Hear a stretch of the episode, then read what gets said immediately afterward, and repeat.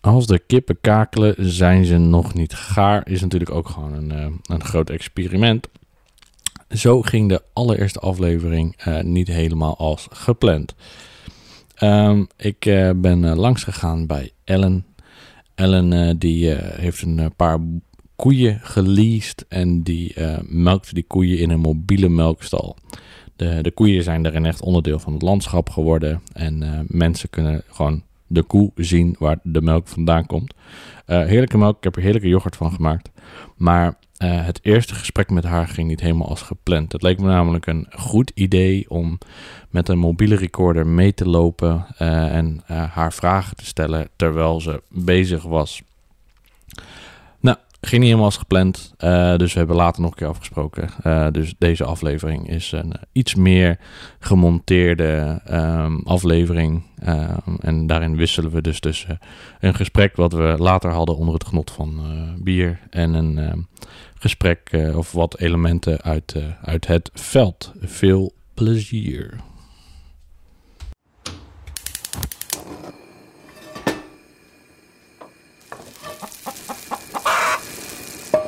Um, ja, als je geheig hoort op de achtergrond, dan uh, er loopt hier een hele grote hond rond. en die is heel enthousiast. Dus dat, dat kan zo zijn. hey, um, jij hebt een zomer lang melk getapt van koeien. Mm -hmm. Mm -hmm. Wat heb je gedaan en waarom ben je het gaan doen?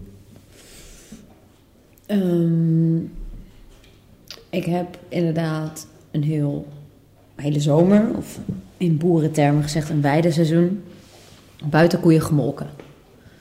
En dat betekent dat de koeien dus de hele dag buiten stonden en ik met de trekker en een uh, melkkar naar de mobiele melkstal toe reed om daar de koeien te melken. Ja. Dat, dat heb ik een uh, zomerlang gedaan, twee keer op een dag. En de melk verkocht ik via een uh, melktap. Vet. Ja, ik ben ook toen een keer wezen kijken toen je net begonnen was. Mm -hmm. Was je net een week bezig volgens mij? Mm -hmm. Dat zou wel kunnen, ja. Ik weet niet meer precies. Kun jij een visuele beschrijving geven van waar we staan? Ja. Ja, nou ja. Het ligt eraan welke kant je op kijkt. Maar uh, het is best wel een groene plek eigenlijk. Als je die kant op kijkt. Landen. En een dijk. Daarachter loopt Zwarte Water. Op die kant loopt de Vecht. Overijssel Vecht. Brug naar Stadshagen. Ja. En dat is wel geinig vind ik hier. Daar heb je Holtebroek. Daar heb je Alanden. Daar heb je Stadshagen. En daar heb je een soort van uh, landerij en land. En er is nu een trekker bezig. Uh, er wordt nieuw, uh, nieuw grasland ingezaaid. Geloof ik. En is dat dan ook grasland waar jouw koeien... Uh... Nee, nee, nee, nee, nee, nee, nee. Mijn koeien lopen eigenlijk best wel een eindje vanaf het erf vandaan. En dat is, dat is iets lagere grond. Uh, dat betekent ook dat het uh, wat natter kan worden in het najaar. En, uh, en dat is eigenlijk wat biodiverser land, natuurgronden noemen ze dat. En die pachtprijs is wat lager dan deze gronden waar je hier nu die trekker op aan het werk ziet. En deze landen, dat, ja, dat, dat, dat, in de landbouw heeft dat allemaal ingewikkelde namen, maar het gaat eigenlijk om dat dit land wat productiever is dan achter. Dus dat, dit, mag je, dit mag ook bemest worden en achter niet. Maar het voordeel van die landen achter is dat er wat meer begroeiing is en wat meer biodiversiteit in de zin van. Uh, je ziet gewoon meer soorten rondom de soorten bloemen, kruiden, planten, rondom de, rondom de sloten bijvoorbeeld. Er is iets meer schaduw. Het is allemaal wat onlogischer land, maar uh, daarom ook goedkoper. Maar ik vind, het, uh, ik vind dat wel mooi eigenlijk om op de natuurgronden te boeren. Oké, okay, tof. Ja.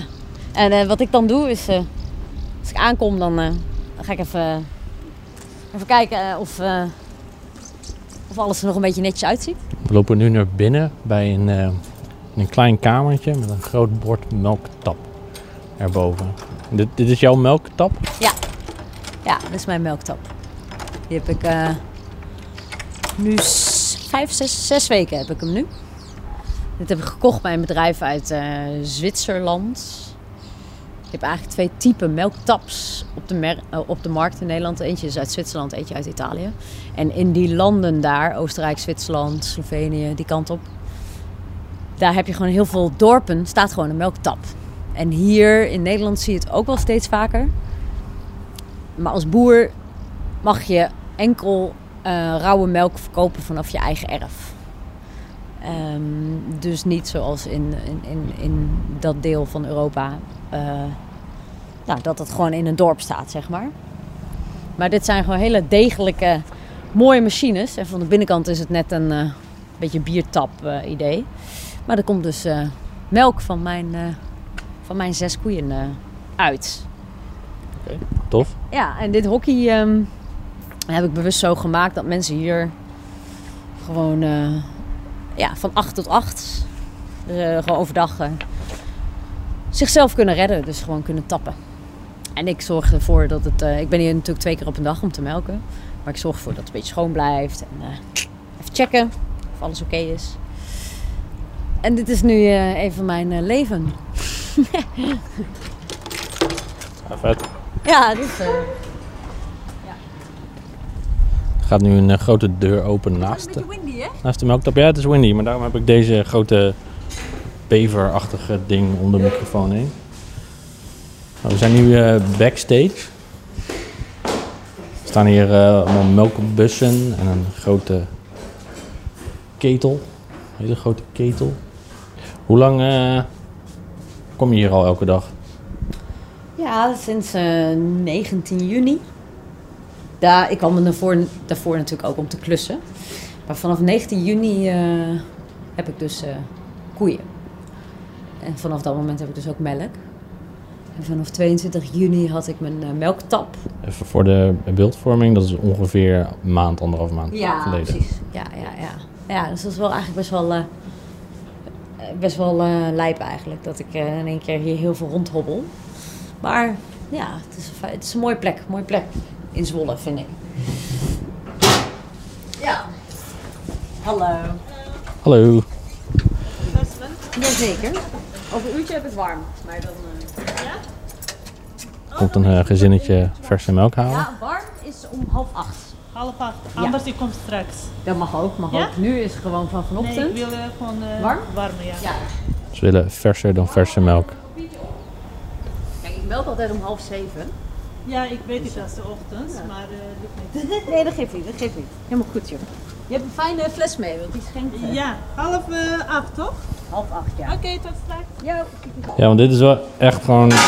De, de vorm van de melkbus is al een paar eeuwen niet veranderd, of wel? Wat zeg je? De vorm van de melkbus. Nee, maar dit soort dingen, die... eh, er zijn, ja, dit, dit, is, dit zijn de oude melkbussen van de boer die hier vroeger op het erf zat.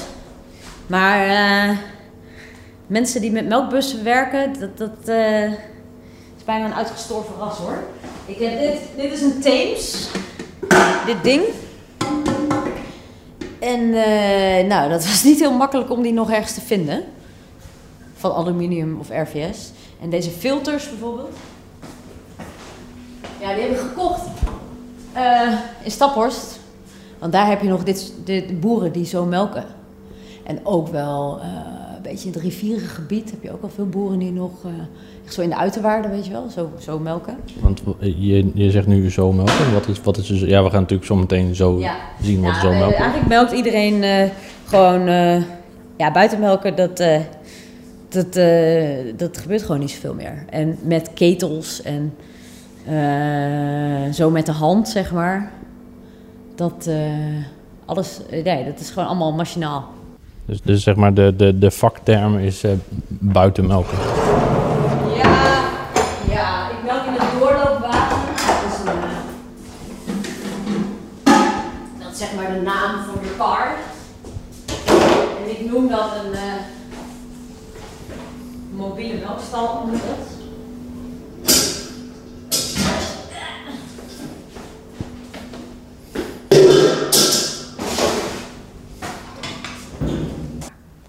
Deze, de- dit, gewoon deze ketel gebruik je ook? Of is dit... Ja, dit is een, een melktank.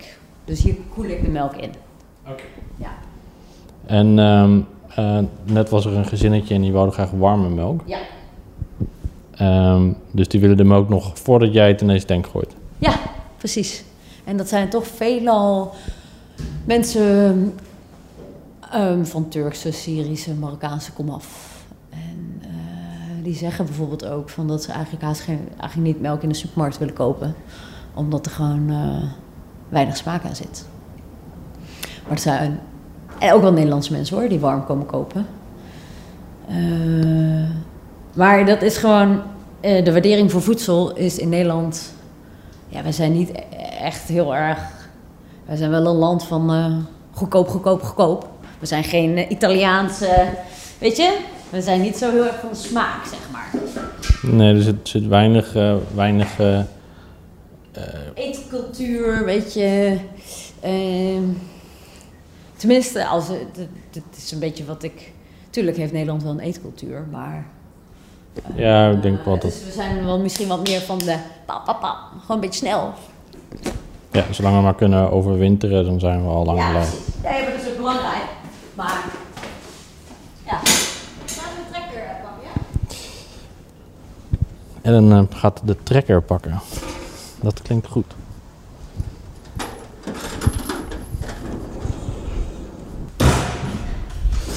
Ellen stapt nu in de trekker.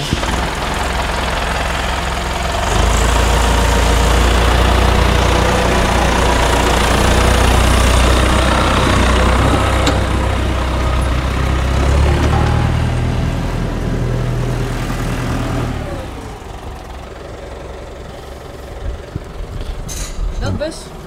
Melkbus, ja. De melkbus eh, gaat eh, de trekker in. Ik had eigenlijk verwacht dat we gewoon, eh, weet ik veel, erheen gingen lopen zelfs. Maar we gaan gewoon met een Lopen? heuse trekker. eh. Ja, dat zal ik je zo laten zien waarom. Het is gewoon een pokkeneind waarschijnlijk.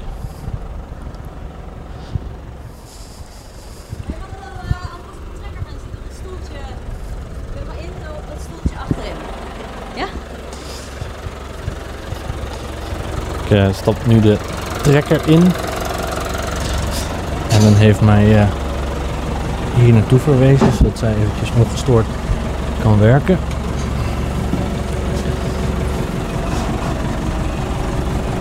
Ehm, het is een eh, trekker die volgens mij al een tijdje meegaat. Hij ziet er helemaal prima uit. Het eh, is erg overzichtelijk zo'n trekker. Ja, dat is ook wel handig natuurlijk. Het eh, rondomuitzicht is ehm, veel glas. Ik zit nu op een eh, klein, nou ja, stoeltje. Een eh, lapje leer met een stalen beugeltje. Ik zit heel goed. Ik ben net de stoel aan het beschrijven. Wat zeg je? Ik ben net de stoel aan het beschrijven. Ja, goed. goed. Ehm, ik rijd dus nu met mijn car. En op mijn karretje staat dus doekjes, handschoentjes, de ketel, de ketels en de melkbussen en de, de thee. Weet je, gewoon mijn spullen om, eh, die ik nodig heb in het land. En het is eigenlijk best wel een stukje. Eh, dus ik moet altijd even goed nadenken van, oh, heb ik alles? Maar ik heb, ik heb eigenlijk altijd alles. Maar het is best wel... eh, ik vind het wel grappig. Toen ik hier echt net mee begon, toen ben ik wel eens de doekjes vergeten, weet je wel. Dan denk ik echt, shit. Maar nu, ik heb alles al een beetje zo in mijn eh, automatische systeem zitten. Dat is eigenlijk, is wel grappig.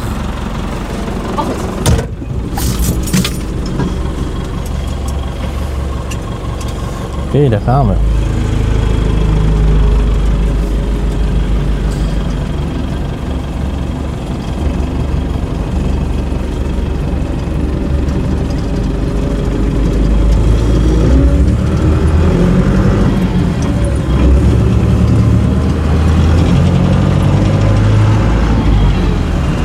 Leuke route die je rijdt. Ja, ja, ja.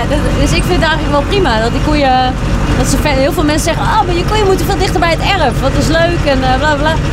Maar ik vind het heel leuk om eh, lekker naar toe te rijden. En als dan straks de hoekje omrijd, dan zie ik ze in één keer. En het is gewoon een heel mooi stukje eh, natuurgrond. Echt met heel mooie bomen. Koeien hebben ook veel meer schaduw dan op die percelen hier. En dat eh, bedoel, nu is het prima weer, maar eh koeien houden niet van eh, 30 graden.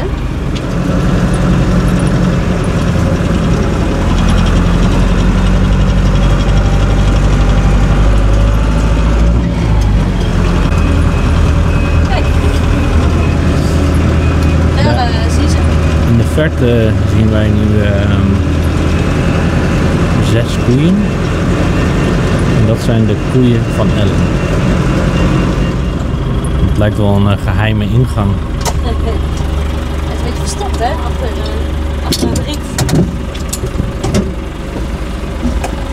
En, ehm, we stoppen nu naast een stukje, we rijden langs een weg waar het, het riet eh, nou ja, anderhalf, twee meter hoog eh, komt tot aan de weg bijna. En er is een klein stukje wat eh, gemaaid is en dat is de ingang naar het weiland.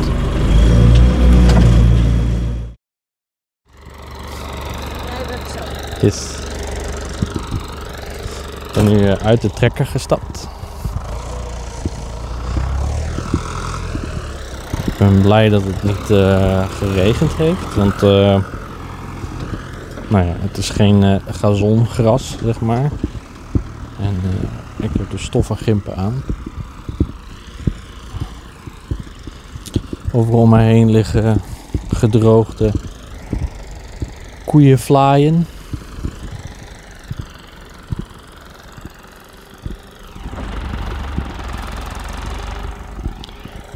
Ellen parkeert haar eh, trekker met aanhanger. Eh, het lijkt op dat ze heel precies aan het parkeren is eh, naast een schuur op wielen. Ja, we staan nu in een gedroogde koeienvlaai.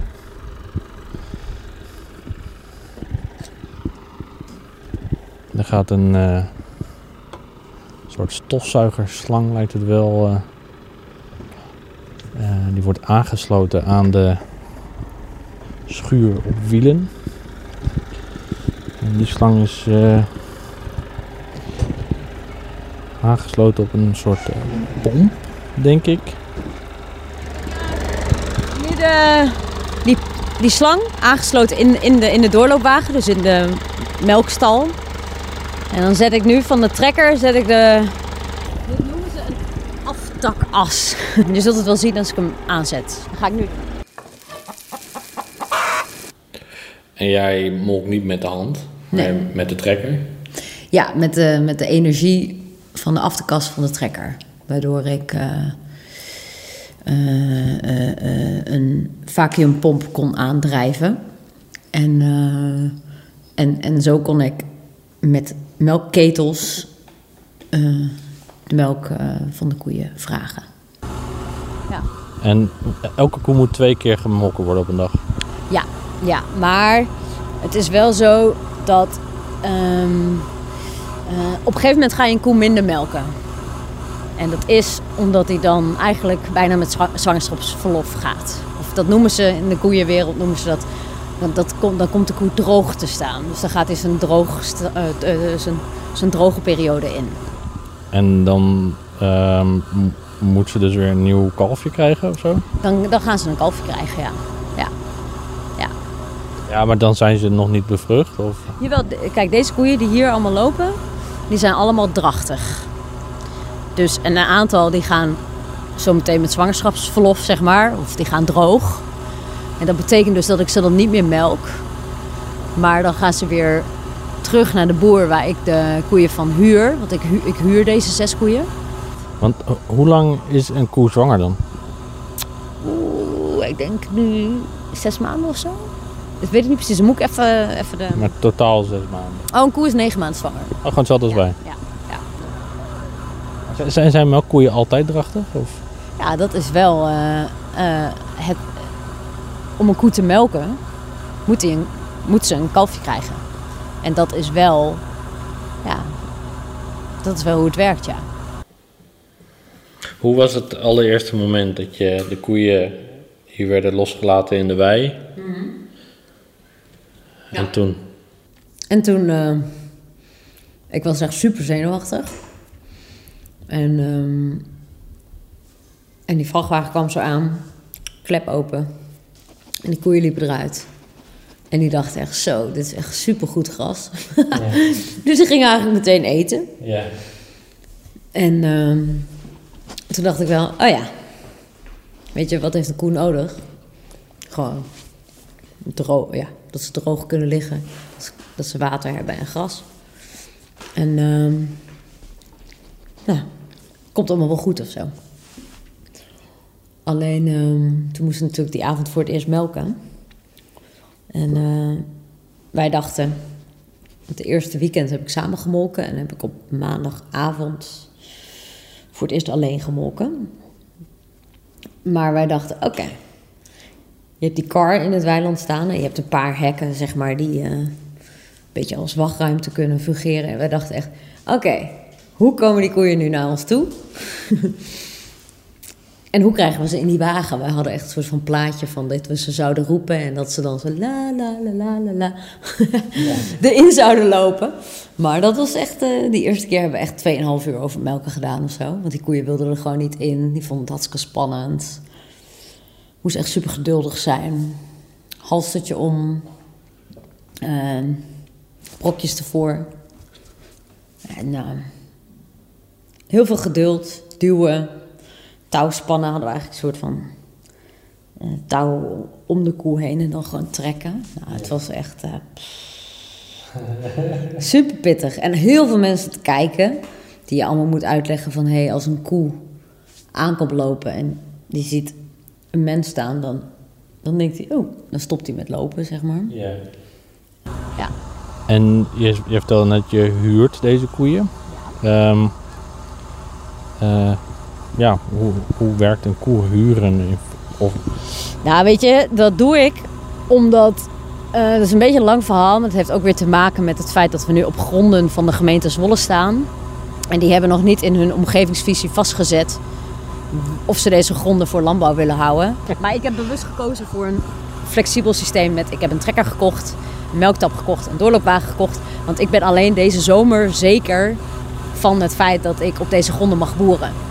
Dus het kan zijn dat ik volgend jaar, eh, weet ik veel, eh, in, eh, dat iemand anders vraagt: hey, wil jij mobiele boer worden in de zomerperiode bij mij? Dat kan, hè? Of dat ik op andere gronden van de stadslanderijen ga zitten. Of... Kijk, de gemeente moet nog bepalen of ze deze gronden als biologische landbouwgrond beschikbaar houden. En ik denk het wel, want dit plaatje van roodbonte koeien in de wei, die, ja, dat is gewoon wel, eh, die gewoon, ja, je- je- we zullen ze zo van dichterbij zien, maar ja. ze zijn, dat is, dit is, het- ik vind het echt wonderlijk dat mensen, ik heb best wel veel mensen die als ik straks, als ik dan het land uitrij, en, en, en ook gewoon vaak mensen die komen kijken bij het melken, mensen vinden het heel eh, waardevol om, eh, om dieren te zien. Ik ga wel even een beetje door, want ik wil graag om half acht Ja. Ik eh, ben Ellen heel erg aan het ophouden. En je had dus 4 hectare eh, gras. Nou, ik begon, eh, ja, ja, dat is dan een beetje verdeeld in perceeltjes en zo. Ik roleerde door verschillende weides. Ja, want je maakt gebruik van schrikdraad en dat verplaats je dan elke keer. Ja, Z- z- zet je een stuk land af om te zorgen dat ze niet overal gaan grazen? Of ook omdat je dan zelf bijvoorbeeld minder hoeft eh, te lopen om ze in de stal te krijgen? nou, je wil meer. eh, eh, ja, er zijn echt boeren die zijn super goed in eh, graasmanagement. Maar je wil eigenlijk dat die koeien gewoon goed gras hebben. Kijk, als je ze in één keer zo ploep in een heel groot stuk zet, dan gaan ze heel selectief eten. Een koe vreet natuurlijk, net als wij, allereerst al het, lekkers, het lekkerste gras eerst weg. Dus ik maakte, dus je maakt eigenlijk gewoon, eh, ik maakte gewoon dan eh, bijvoorbeeld een perceel van, nou ja, ik weet niet eens hoeveel hectare, maar die verdeelde ik dan in drie weidepercelen. En dan begon ik op één. En dan ze, dan ging ik ze verwijden naar twee en daarna naar drie. En vervolgens ging ik dan eigenlijk weer terug. Dus je, dat is wel een beetje het managen van wat de koe eh, vreet. Ja. Dus, ehm, en daar verplaatste ik mijn karren dus ook op. En ook ver, verplaatste ik mijn karren om... eh, kijk, als ik met de trekker elke dag precies dezelfde route rij... en die kar die staat heet het op dezelfde plek... dan eh, eh, beschadig ik de bodem ook. Dus vandaar dat ik... Ja, vooral bij slecht weer verzet ik de kar best wel vaak... zodat je... ehm, ja, de bodem ontlast, zeg, zeg maar. Het standaard wei die we kennen is felgroen. En, eh, eh, maar de wei waar jouw koeien loopte, dat was veel meer een... Nou ja, gewoon, er groeiden ook heel veel andere dingen. Eh, dat was een bewuste keus om de koeien daar te laten lopen. Ja, dat zijn wel natuurgronden, ja. Die mo- mogen verder ook niet bemest worden door er met een machine, met, met, met ehm, een, gi- een gierteel, om, om dierlijke mest op aan te brengen. Kunstmest wel? Of? Nee, het, het waren sowieso allemaal biologische gronden daar. En biologische boeren mogen ook geen kunstmest gebruiken. Ja. Maar dit waren eh, gronden die inderdaad eh, eh, bestempeld zijn als natuurgronden. En daar eh, is ook een ecoloog van de gemeente Zwolle bij betrokken... die ook de soortenrijkdom daar eh, inventariseert. Oké, Ja. Nou, dat is ook wel tof. Ja.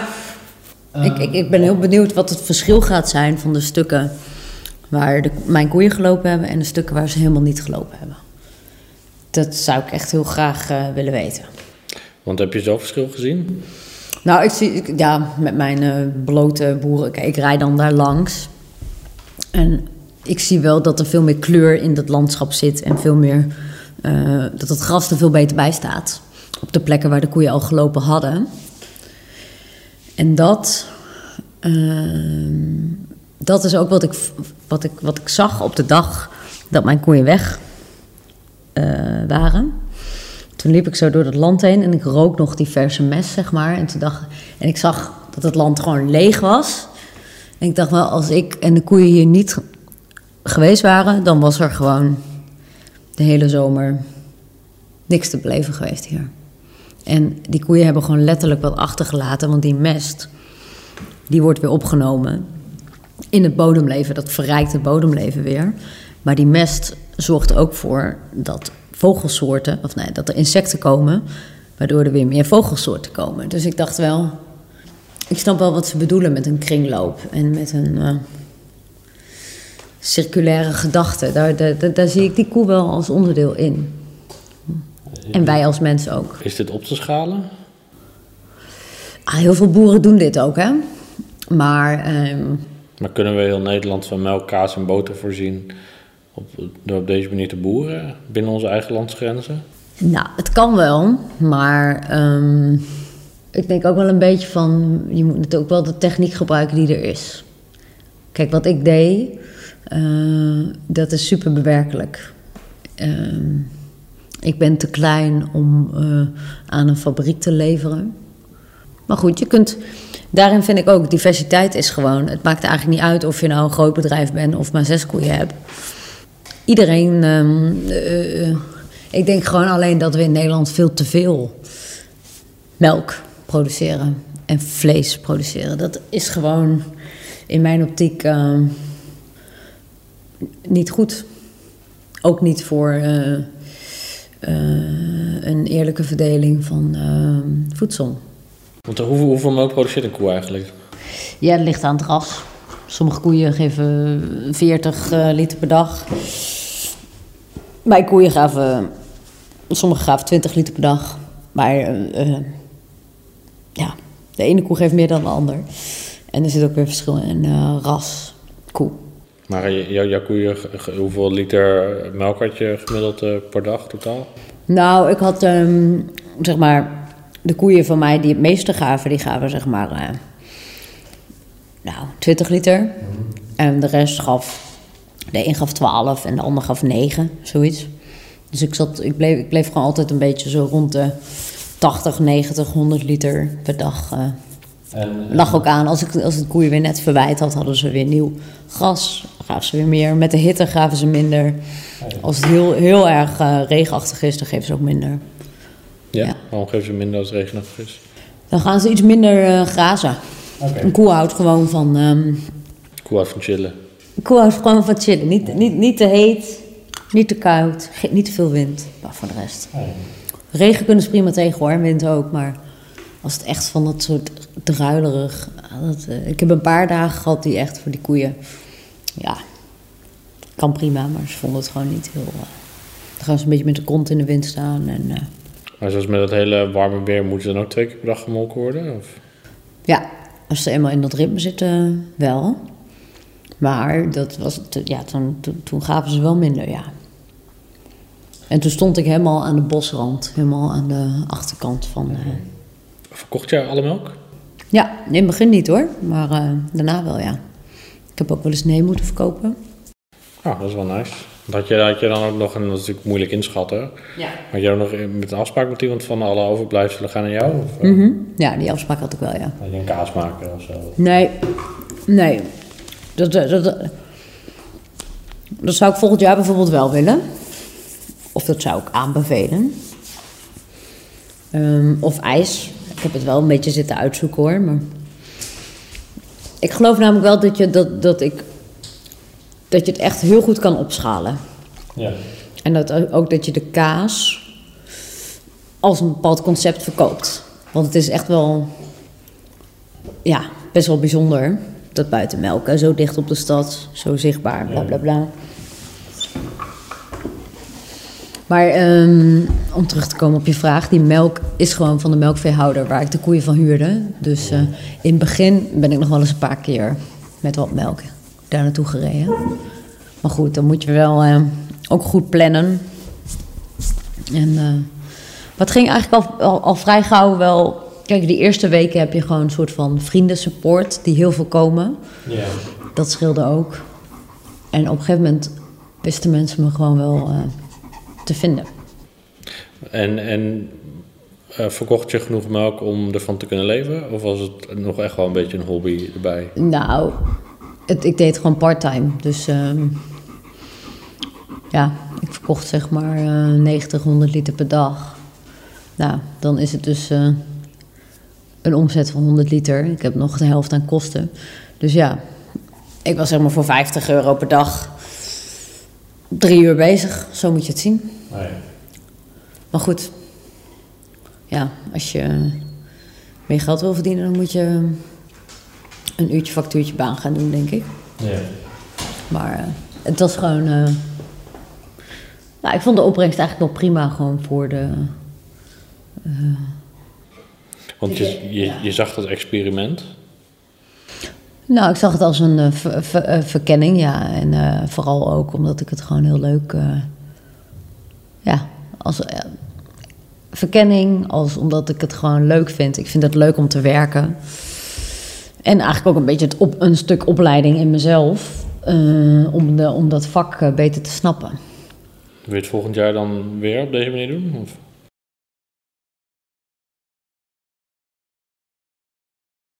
Lons te doen en het allemaal in een soort ontdekking te beleven.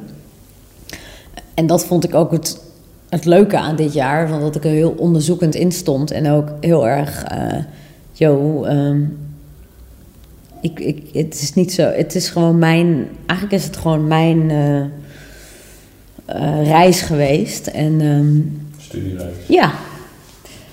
En ik denk gewoon dat ik dat volgend jaar niet meer zo kan hebben. Maar ik, ik, ik, ik, ik ben wel aan het denken van... ik wil gewoon wel graag dat er volgend jaar weer koeien gemolken worden daar. Aan het begin noemde je, zei je, noem je het woord rauwe melk. Rauwe melk is natuurlijk gewoon ongepasteuriseerde melk. En het is natuurlijk ook echt een onderwerp wat, eh, waarin de meningen ook uiterst gepolariseerd zijn. Er zijn Ja. mensen van, ja, je bent helemaal gek in je hoofd als je rauwe melk drinkt, want dan ga je hartstikke dood. En dan heb je mensen die zeggen van, ja, je bent helemaal gek als je gepasteuriseerde melk drinkt. Je moet rauwe melk drinken, want dat is puur. Of dat zijn de goede, de goede bacteriën zitten daarin. Ja. Wat, eh, ja, wat is jouw ervaring met rauwe melk? Kijk, ik drink helemaal niet zo heel veel melk. Maar eh, ik vind rauwe melk gewoon lekker. En af en toe drink ik het. En ik gebruik het ook voor mijn havermoutje. En voor de rest, ja, ik heb richting. Ik heb nooit heel erg. eh, verkondigd van het is gezonder of het is beter of bla bla bla bla bla. Maar ik heb wel aan klanten uitgelegd wat rauwe melk eigenlijk is. Dat is rauwe melk. Ja, en dat, eh, ik snap best dat dat voor mensen een vraag is. En, eh, en of mensen het eh, dan nog verhitten of niet. Ja, ik moet het advies geven dat mensen dat doen. Maar eh, eh, ja, dat moeten mensen ook eh, helemaal, eh, helemaal zelf weten. Maar mijn ervaring is dat mensen gewoon komen omdat het juist rauwe melk is. Dus dat zegt voor mij eh, genoeg. Want met rauwmelk is toch dat, dat er bacteriën in zouden kunnen zitten die, die nou ja, volgens mij sommige mensen zal dodelijk zijn. Nou, het is wel dat als er slechte bacteriën in zitten en je hebt een verminderde weerstand of je bent zwanger, of dat, dat het je dan afgeraden wordt, ja. En stel, ik werk totaal niet schoon, ik, eh, eh, ik spoel mijn ketels niet goed of eh, ik maak het uier niet goed schoon, dan kan het natuurlijk wel zijn dat er, een, dat er meer bacteriën in de melk zitten dan dat er zouden moeten. Dat- Want er zijn gewoon normen voor. Maar ehm, ja, Eh, ik heb heel erg leren vertrouwen op, eh, op die koe. Dat die koe gewoon gezond is, dus de melk ook. Ik heb echt heel erg mijn focus gezet op super schoon werken. En omdat ik me gewoon wel heel erg bewust van ben. Kijk, ik hoor meteen terug van een klant als iets niet goed zou zijn. En ik heb ook wel mijn melk laten monsteren om gewoon zeker te zijn van eh celgetal, kiemgetal, bla bla bla. Dus Ja. zeg maar de, de wettelijke. Dat ik daar wel, en dat heb ik eigenlijk vooral voor mezelf gedaan, zodat ik, en dat heeft me ook rete veel gekost eigenlijk, maar dan weet je in ieder geval. eh, nou, dan, dan kun je gewoon voor de kwaliteit staan. Omdat het ook onderbouwd is met cijfers, zeg maar. Dan stuur je dus een monstertje op naar een van het laboratorium en die... eh, Ja, dan moet je een monster nemen. Die heb ik in dit geval langsgebracht bij eh QLib. En die gaan dat dan analyseren op, eh, op bepaalde waardes. En bijvoorbeeld salmonella. Nou, zo'n monster, dat kost gewoon best wel eh, veel flessen melk. ja, ik ging alles wel in, in, in, in flessen melk zien in die periode. En nog steeds wel hoor. Dat ik ook wel denk, eh, wat zijn sommige dingen eigenlijk goedkoop of duur? ja. Ja, snap ik wel. Zullen we nog eentje opentrekken en dan, eh, dan, even de do's en don'ts van het uh, melkveehouden bespreken? Daar ben ik wel nieuwsgierig naar. Ik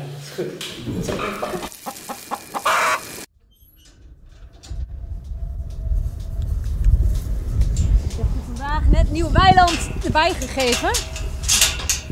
Dus dat betekent dat ik ze verwijt heb, dus dat ze nieuw gras hebben. Dus ik ben benieuwd eh, of ze zin hebben om te komen. Kies, kom! Kies, kom!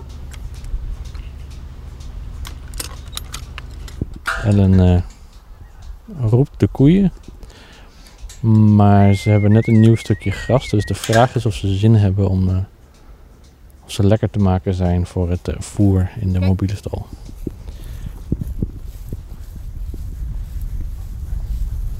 Koeien zijn eh supergewoonte dieren, eigenlijk net zoals mensen. Maar ze houden gewoon heel erg van structuur, niet zoveel apartigheid. We zijn nu omgeven door niet meer alleen gedroogde koeien flyen, maar ook verse. Wat zei je? Opletten waar je loopt met. Dit is Maar- wel mooi om te zien dat dit gewoon. Ellen gaat nu in de poep staan om te laten zien. Ja, en er zitten dan allemaal diertjes in. Dat zie je ook aan die gaten. Maar die trekken dus de voedzame stoffen uit de mest weer de bodem in. Vet.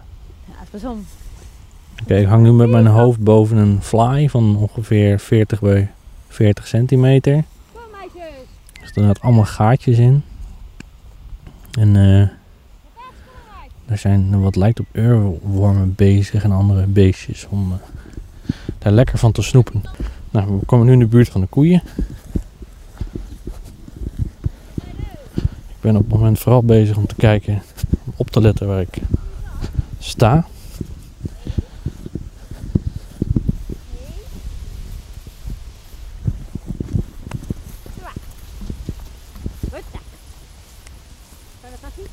Nu bij de koeien.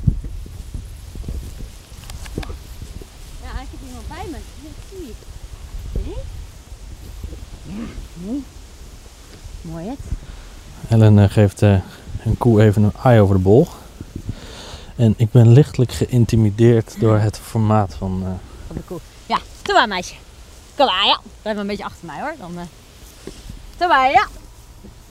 En dan probeert een koe een zetje te geven. In de juiste richting. We gaan naar de volgende koe. Dit is een volledig eh, rood-bruine koe. Die eh, iets williger, gewilliger is om eh, te lopen. Naast mij staat een koe nog lekker in de bosjes. Nou, De koeien zijn net zo geïntimideerd door mij als ik door hun.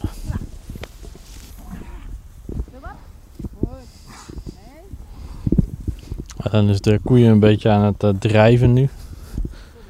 Ik wacht hier wel even. De koeien lopen nu langzaam richting eh, de stal. Het zijn ook echte kuddedieren, want als eentje gaat, dan gaat de rest ook. Wat zijn de do's en don'ts van melkvee houden? Wat je tot nu toe geleerd hebt. Nou, mijn grootste don't was dat ik een ehm, hekje open liet staan, waardoor er een koe eh, in de melkstal kwam. Oh, dat was wel even een dingetje. Oh, in, in, het, in het stuk waar jij loopt. Ja, precies. Dat, ja. wa- dat, dat, dat, dat, eh, dat was wel even.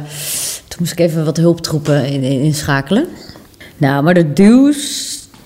mm, ja, blijf wel gewoon heel erg bij wat je zelf. bij je eigen principes en bij wat je echt zelf in je, in je, in je kop hebt. Wat goed voor jou eh, voelt. Dat is wel een hele belangrijke raadgever altijd voor mij eh, geweest, omdat ik in het begin best wel vaak adviezen kreeg over eh, wat wel, wat niet, blablabla. Eh en daar, eh, ik heb me daar soms wel een beetje door laten afleiden. Dat ik denk, oh ja, dat kan ook. Ja, gewoon focussen. Die koeien, die zijn het allerbelangrijkste. En die hebben ook heel erg mijn ritme bepaald eigenlijk. Stel, volgend jaar eh, krijg je een opvolger. Wat, wat, wat zeg je dan tegen, waar, waar moet diegene aan voldoen? Of wat is de, de tip die jij dan zou geven aan die persoon? Of? Nou, eh, dat, dat degene gewoon echt zijn eigen ding ervan moet maken. Eh, en dat je altijd beleefd moet zijn naar eh, mensen, voorbijgangers, consumenten. Kijk, als boer verbaas je er soms over hoe weinig mensen nog weten over voedsel. Ehm, omdat je zelf elke dag met die beesten bezig bent en bla bla bla bla bla. Maar eh, het is heel erg logisch eigenlijk dat mensen, nou, wat jij ook zegt, onder de indruk zijn van de grootte van een koe. Of eh, dat is gewoon heel. Mensen. eh, ik ondernam in een gebied wat gewoon recreatiegebied is. En ik rijd daar met mijn trekketje. Zorg ervoor dat je je er bewust van bent dat je in eh, een publieke ruimte onderneemt. En eh, wees daarom ook altijd beleefd naar je medeburgers, om zo eh, te zeggen. Hoe irritant ik het soms ook echt vond hoor. Eh, mensen die een hek openmaken, mensen die eh, lopen te, die, die, die denken dat ze. Dat je een bult wc-papier vindt in, in het weiland. Weet je wel, allemaal van dat soort gekke dingen. Mensen denken dat je een bult of zeepapier vindt. Nee, nee, nee. men- mensen gaan gewoon eh, eh, eh, poepen in, in het weiland van de koeien. Dat je echt denkt, huh? Ja, echt. Dat je echt denkt, what the fuck? Maar eh, dan moet je maar gewoon denken, oké. Eh, laten we deze afsluiten. Heb je, nog iets kwijt? Nee, ik vind het wel leuk. Oké, cool. Dankjewel. Ja, jij ook.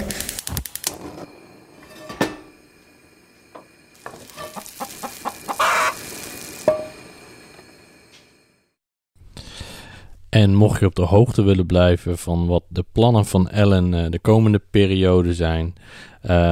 eh, en je überhaupt meer weten over haar projecten, ga dan naar demobieleboer.nl. Daar, eh, nou ja, daar vind je meer over wat zij doet. Tot ziens.